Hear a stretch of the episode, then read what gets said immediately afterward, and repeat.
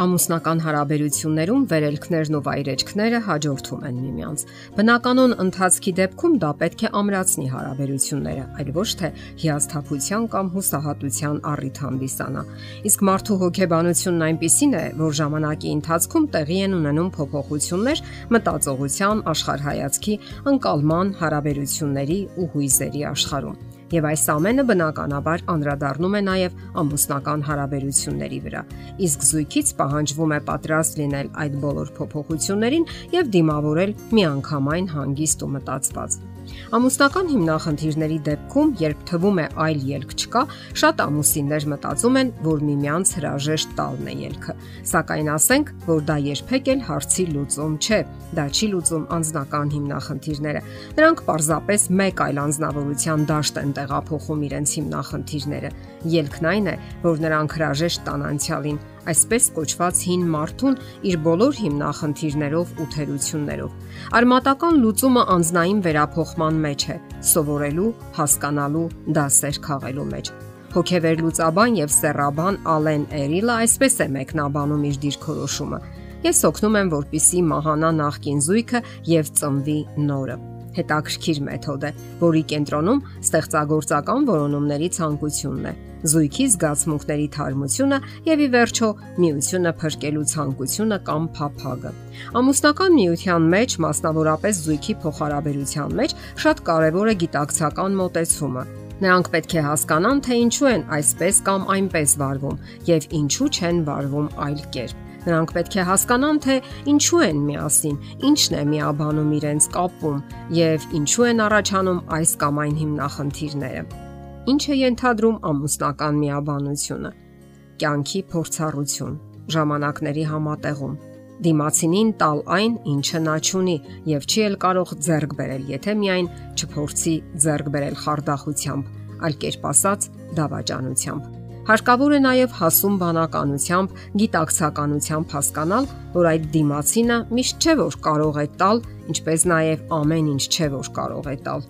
Եվ երբ զուգընկերներից մեկը շատ է ցանկանում մյուսին, նա կարող է նույնիսկ շնչահեղձ անել նրան, Եվ այս բոլորը հասկանալով կարելի է ասել, որ զույգը գտնվում է մշտական որոնումների մեջ, ինչպես գտնվել հավասարակշռության մեջ։ Ասել կուզի ամուսնությունը դինամիկ համակարգ է, այնտեղ միշտ կա շարժում, աշխատանք։ Միշտ հարկավոր է զբաղվել հարաբերություններով, սովորել շփվելու, փոխվելու արվեստը։ Մեկ անգամ եւս մեզ համար կրկնենք նշանավոր գրող Էքզյուպերիի նշանավոր միտքը. Սիրել չի նշանակում նայել միմյանց։ Սիրել նշանակում է նայել նույն ուղղությամբ։ Ընթունելով այս մտքի ճշմարտացիությունը, ասենք նաև, որ երբեմն հարկ է լինում նայել միմյանց, հարցնել ինքներս մեզ. ով է այս մարդը, որ իմ կողքին է, ինչ է ցանկանում նա, ինչ ցանկություններ եւ երազանքներ ունի, ինչով է նա տարբերվում ինձանից։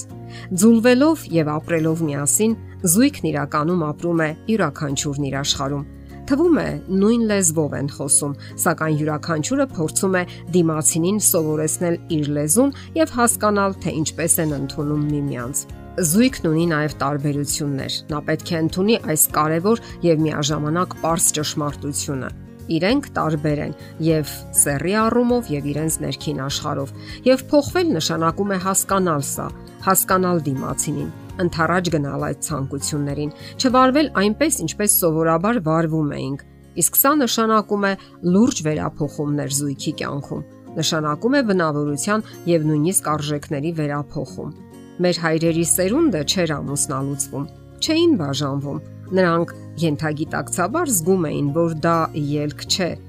Այսօր այդպես չէ։ Իրավիճակը միանգամայն այլ է բաժանվում են առանց իրենց նեղություն տալու, առանց պատճառների մեջ խորանալու։ Ամուսիններն այն համոզմունքին են, որ դա է հեշտ ու հարմար տարբերակը։ Ցանկանում են որպես թե գնալ ինքնադրսևորման, դավանել իրենց ուզած արժեքները։ Եվ թվում է, թե կողքինն իրենց խանգարում է, իսկ հաճախ էլ ընտրում են մեկ այլ տարբերակ՝ դավաճանության տարբերակը։ Ինչ անել Մասնագետները նշում են, որ իրենց օկնությանը դիմաց զույգերի օկնության ճիճը հենց թաքնված է հին մարդուն սپانելու մեջ։ Նրանք իրենք են ցանկանում սپانել հինը, այն ինչն այլևս չի բավարարում։ Շատ զույգեր պատրաստ են դրան, որոնումների մեջ են, Նրանք զգում են, որ սիրում են միմյանց, սակայն տարիների բեռը, հոգսերը, ձանձրույթը անտարբերություն են ծնել։ Իսկ անտարբերությունն արդեն սիրո մահն է։ Դա թույլ չտալու համար հարկավոր է նորություններ մտցնել ամուսնական կյանքում։ Ընդհանուր առմամբ պետք չէ ծանրացնել կյանքը։ Կարող եք օրինակ սիրային նամակներ գրել միմյանց։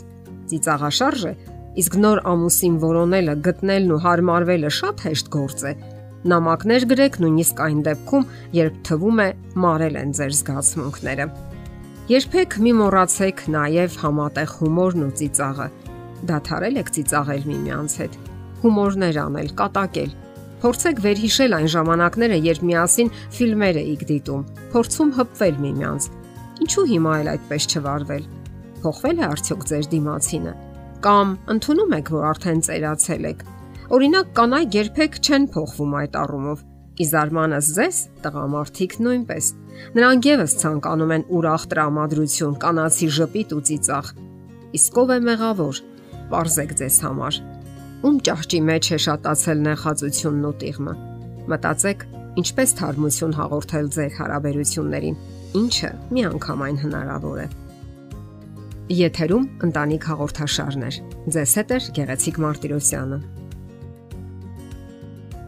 Հարցերի եւ առաջարկությունների համար զանգահարել 033 87 87 87 հեռախոսահամարով։